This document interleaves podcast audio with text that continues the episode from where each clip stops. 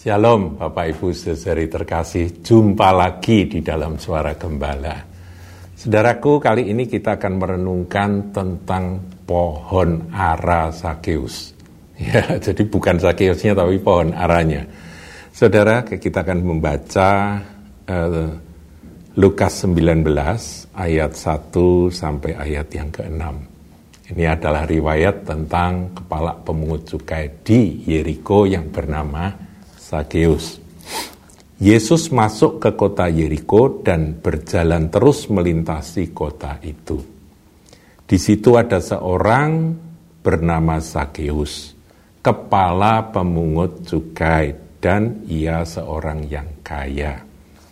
Ia berusaha untuk melihat orang apakah Yesus itu. Tetapi ia tidak berhasil karena orang banyak sebab badannya pendek. Jebol, maka berlarilah ia mendahului orang banyak, lalu memanjat pohon ara untuk melihat Yesus yang akan lewat di situ. Jadi Sakeus yang pendek itu pengen sekali lihat Yesus, dia lari mendahului kerumunan orang banyak. Ya Yesus kan tertutup oleh orang banyak yang mengelilingi dia berjalan itu. Kemudian dia manjat pohon ara itu mestinya bukan pohon ara tapi pohon sikamor saudaraku. Ya satu ya sejenis lah pohon ara begitu. Dan dari atas itu dia berusaha untuk melihat dan dia bisa melihat Yesus. Nah kemudian ayat 5 ketika Yesus sampai ke tempat itu ia melihat ke atas dan berkata Sakeus Segeralah turun sebab hari ini aku harus menumpang di rumahmu. Nah, ayat 5 ini adalah sebuah perjumpaan. Sebuah encounter antara orang berdosa, kepala pemungut cukai yang tidak disukai oleh penduduk kota Yeriko, oleh semua orang dia tidak disukai karena dia pemungut cukai, kepalanya, saudaraku, Uh, tentunya dia juga tukang peras, ya para pengusaha nggak suka sama dia. Berjumpa dengan Yesus Kristus Tuhan Juru Selamat. Dan perjumpaan itu mengubah kehidupan Sakius. Kita semua tahu ceritanya. Nah, waktu Yesus tiba di dekat pohon ara tersebut atau pohon sikamor itu, Tuhan Yesus menengadah melihat Sakeus yang nangkring di pohon itu. Kemudian Sakeus segeralah turun itu kata Tuhan. Sebab hari ini aku harus menumpang di rumahmu. Ayat 6 lalu Sakeus segera turun dan menerima Yesus dengan sukacita. Saudaraku, kisah tentang Sakeus kita semua sudah tahu. Dia bertobat bahkan dia mengalami satu perubahan radikal. Dia yang tadinya adalah hamba uang berubah menjadi hamba Kristus. Dia berkata, kalau aku pernah peras orang, aku akan ganti empat kali lipat. Kalau aku uh, masih punya uang, aku nanti akan bagikan setengah dari uangku itu untuk orang miskin. Waduh, terjadi perubahan from the inside out dari uh, seorang kepala pemungut cukai di kota Yeriko yang bernama Sakeus. Saudaraku, tradisi menceritakan bahwa Sakyus akhirnya menjadi seorang pemimpin, pemimpin gereja. Yang beberapa waktu yang lalu kami sempat uh, datang ke gereja yang konon katanya tempat yang adalah bekas rumah dari Sakyus yang dibangun gereja. Kalau nggak salah gereja Koptik. Di sana ada tulang dari Sakyus ya yang menjadi salah seorang pemimpin uh, gereja pada masa itu karena satu perubahan radikal. Tapi saya ingin bicara tentang perjumpaan, saudaraku. Sebuah perubahan hati seseorang, hidup seseorang itu diawali dengan sebuah perjumpaan. Dan di dalam perjumpaan itu, kalau kita baca riwayat singkatnya, Sakeus kan rindu untuk ingin untuk mengenal Yesus. Dia kan belum kenal.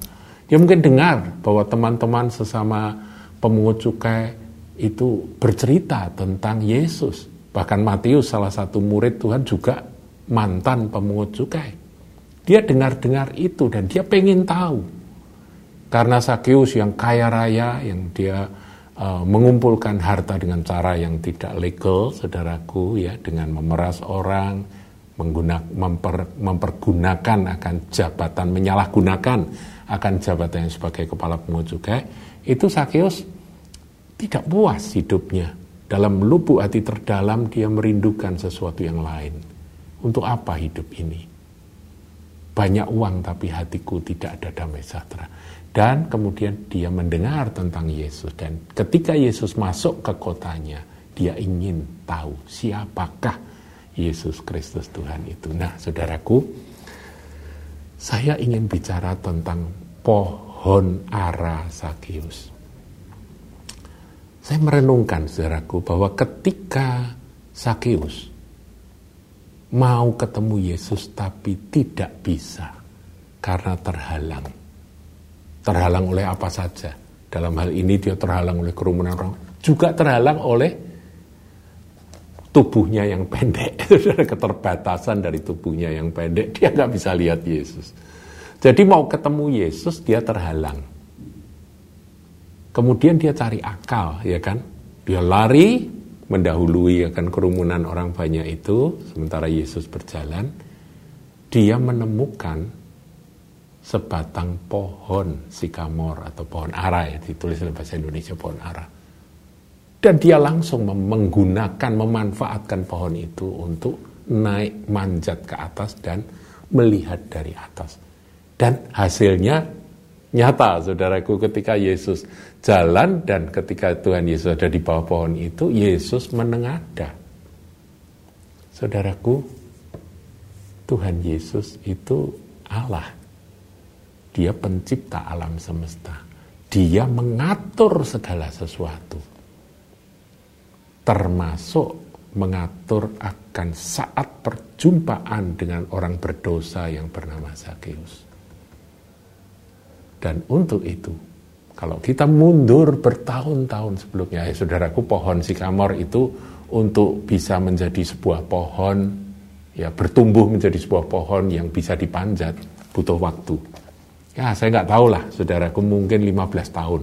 Ya, bayangkan pohon mangga gitu ya, 15 tahun ya itu baru gede dan kemudian bisa dipanjat. Kalau di Indonesia pohon mangga gitu. Berarti kalau kita mundur bertahun-tahun sebelumnya, Tuhan sudah menyiapkan. Pohon itu bertumbuh. Ya pohon itu kan tidak langsung gede gitu ya, tidak langsung besar. Kan dia bertumbuh dari tunas. Tunas pohon yang bertumbuh. Dan pada waktu tunas itu masih kecil, bertumbuh masih kecil gitu saudaraku ya. Itu kan bahayanya gede. Ada onta jalan itu bisa diinjak onta kemudian mati, ya kan? Ada kereta jalan itu bisa dilindas oleh roda kereta dan rusak dan mati itu tunasnya. Atau dimakan sama kambing, saudaraku ya, sehingga gak bisa bertumbuh. Tapi Tuhan jaga. Tuhan jaga dan Tuhan tumbuhkan itu. Sampai suatu saat pada detik dan menit dan saat waktu yang Tuhan tetapkan. Perjumpaan terjadi, yaitu ketika Sakeus begitu rindu untuk melihat Yesus dan mengenal Yesus. Dia menemukan pohon yang sudah disiapkan Tuhan itu. Naik ke atas pohon itu. Dan di sanalah perjumpaan itu terjadi. Ini rencana Tuhan. Jadi saudaraku, saya boleh tafsirkan ya ini ini ringan tapi saya ingin menafsirkan ini sebagai saudara besar hati sebuah perjumpaan antara kita yang berdosa dengan Tuhan. Kalau ada halangan, Tuhan sediakan alat bantu. Dan alat bantunya bisa macam-macam. Dan itu sudah disiapkan oleh Tuhan. Ada orang yang bisa mengenal Tuhan melalui secarik atau selembar kertas traktat firman Tuhan. Dan traktat itu dicetak mungkin bertahun-tahun sebelumnya tapi entah bagaimana caranya bisa sampai ke tangan di ke tangan orang tersebut dan dia sempat membacanya. Ya kan? Ada pengaturan Tuhan, alat bantu apa pun yang membuat kita yang sulit untuk mengenal Yesus atau terhalang oleh keterbatasan kita untuk mengenal Dia. Tuhan atur. Itulah yang saya maksudkan dengan pohon ara Sakeus. Tuhan atur, saudaraku. Sehingga pohon ara itu ada di situ dan Sakeus itu manjat dan Tuhan lewat di situ dan Tuhan menengadah dan berkata turunlah. Hari ini aku akan singgah ke rumahmu dan terjadilah keselamatan besar, pertobatan radikal dan menurut tradisi Sakyus menjadi seorang hamba Tuhan. Biasa, saudaraku. Jadi kalau saudara ngalami perjumpaan, coba telusur alat bantunya apa. Itu sudah disiapkan Tuhan.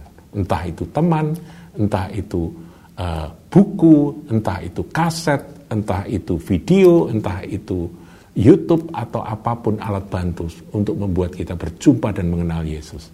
Tuhan sudah siapkan karena Dia Maha Tahu dan Dia Maha Kuasa dan Dia Maha mengatur segala sesuatu. Tetapi satu perkara bagi kita, perjumpaan dengan Tuhan Yesus itu harus dimulai ini dari pihak kita ya, harus dimulai dari kerinduan. Usakius rindu, saudaraku. Rindu melihat Yesus. Belum kenal, tapi pengen tahu karena dia dengar-dengar saja tentang Yesus. Dan dia rindu. Dan untuk itu dia berusaha. Dia mencari dan Tuhan sudah siapkan alat bantunya. Pohon ara Sakius. Tuhan Yesus memberkati.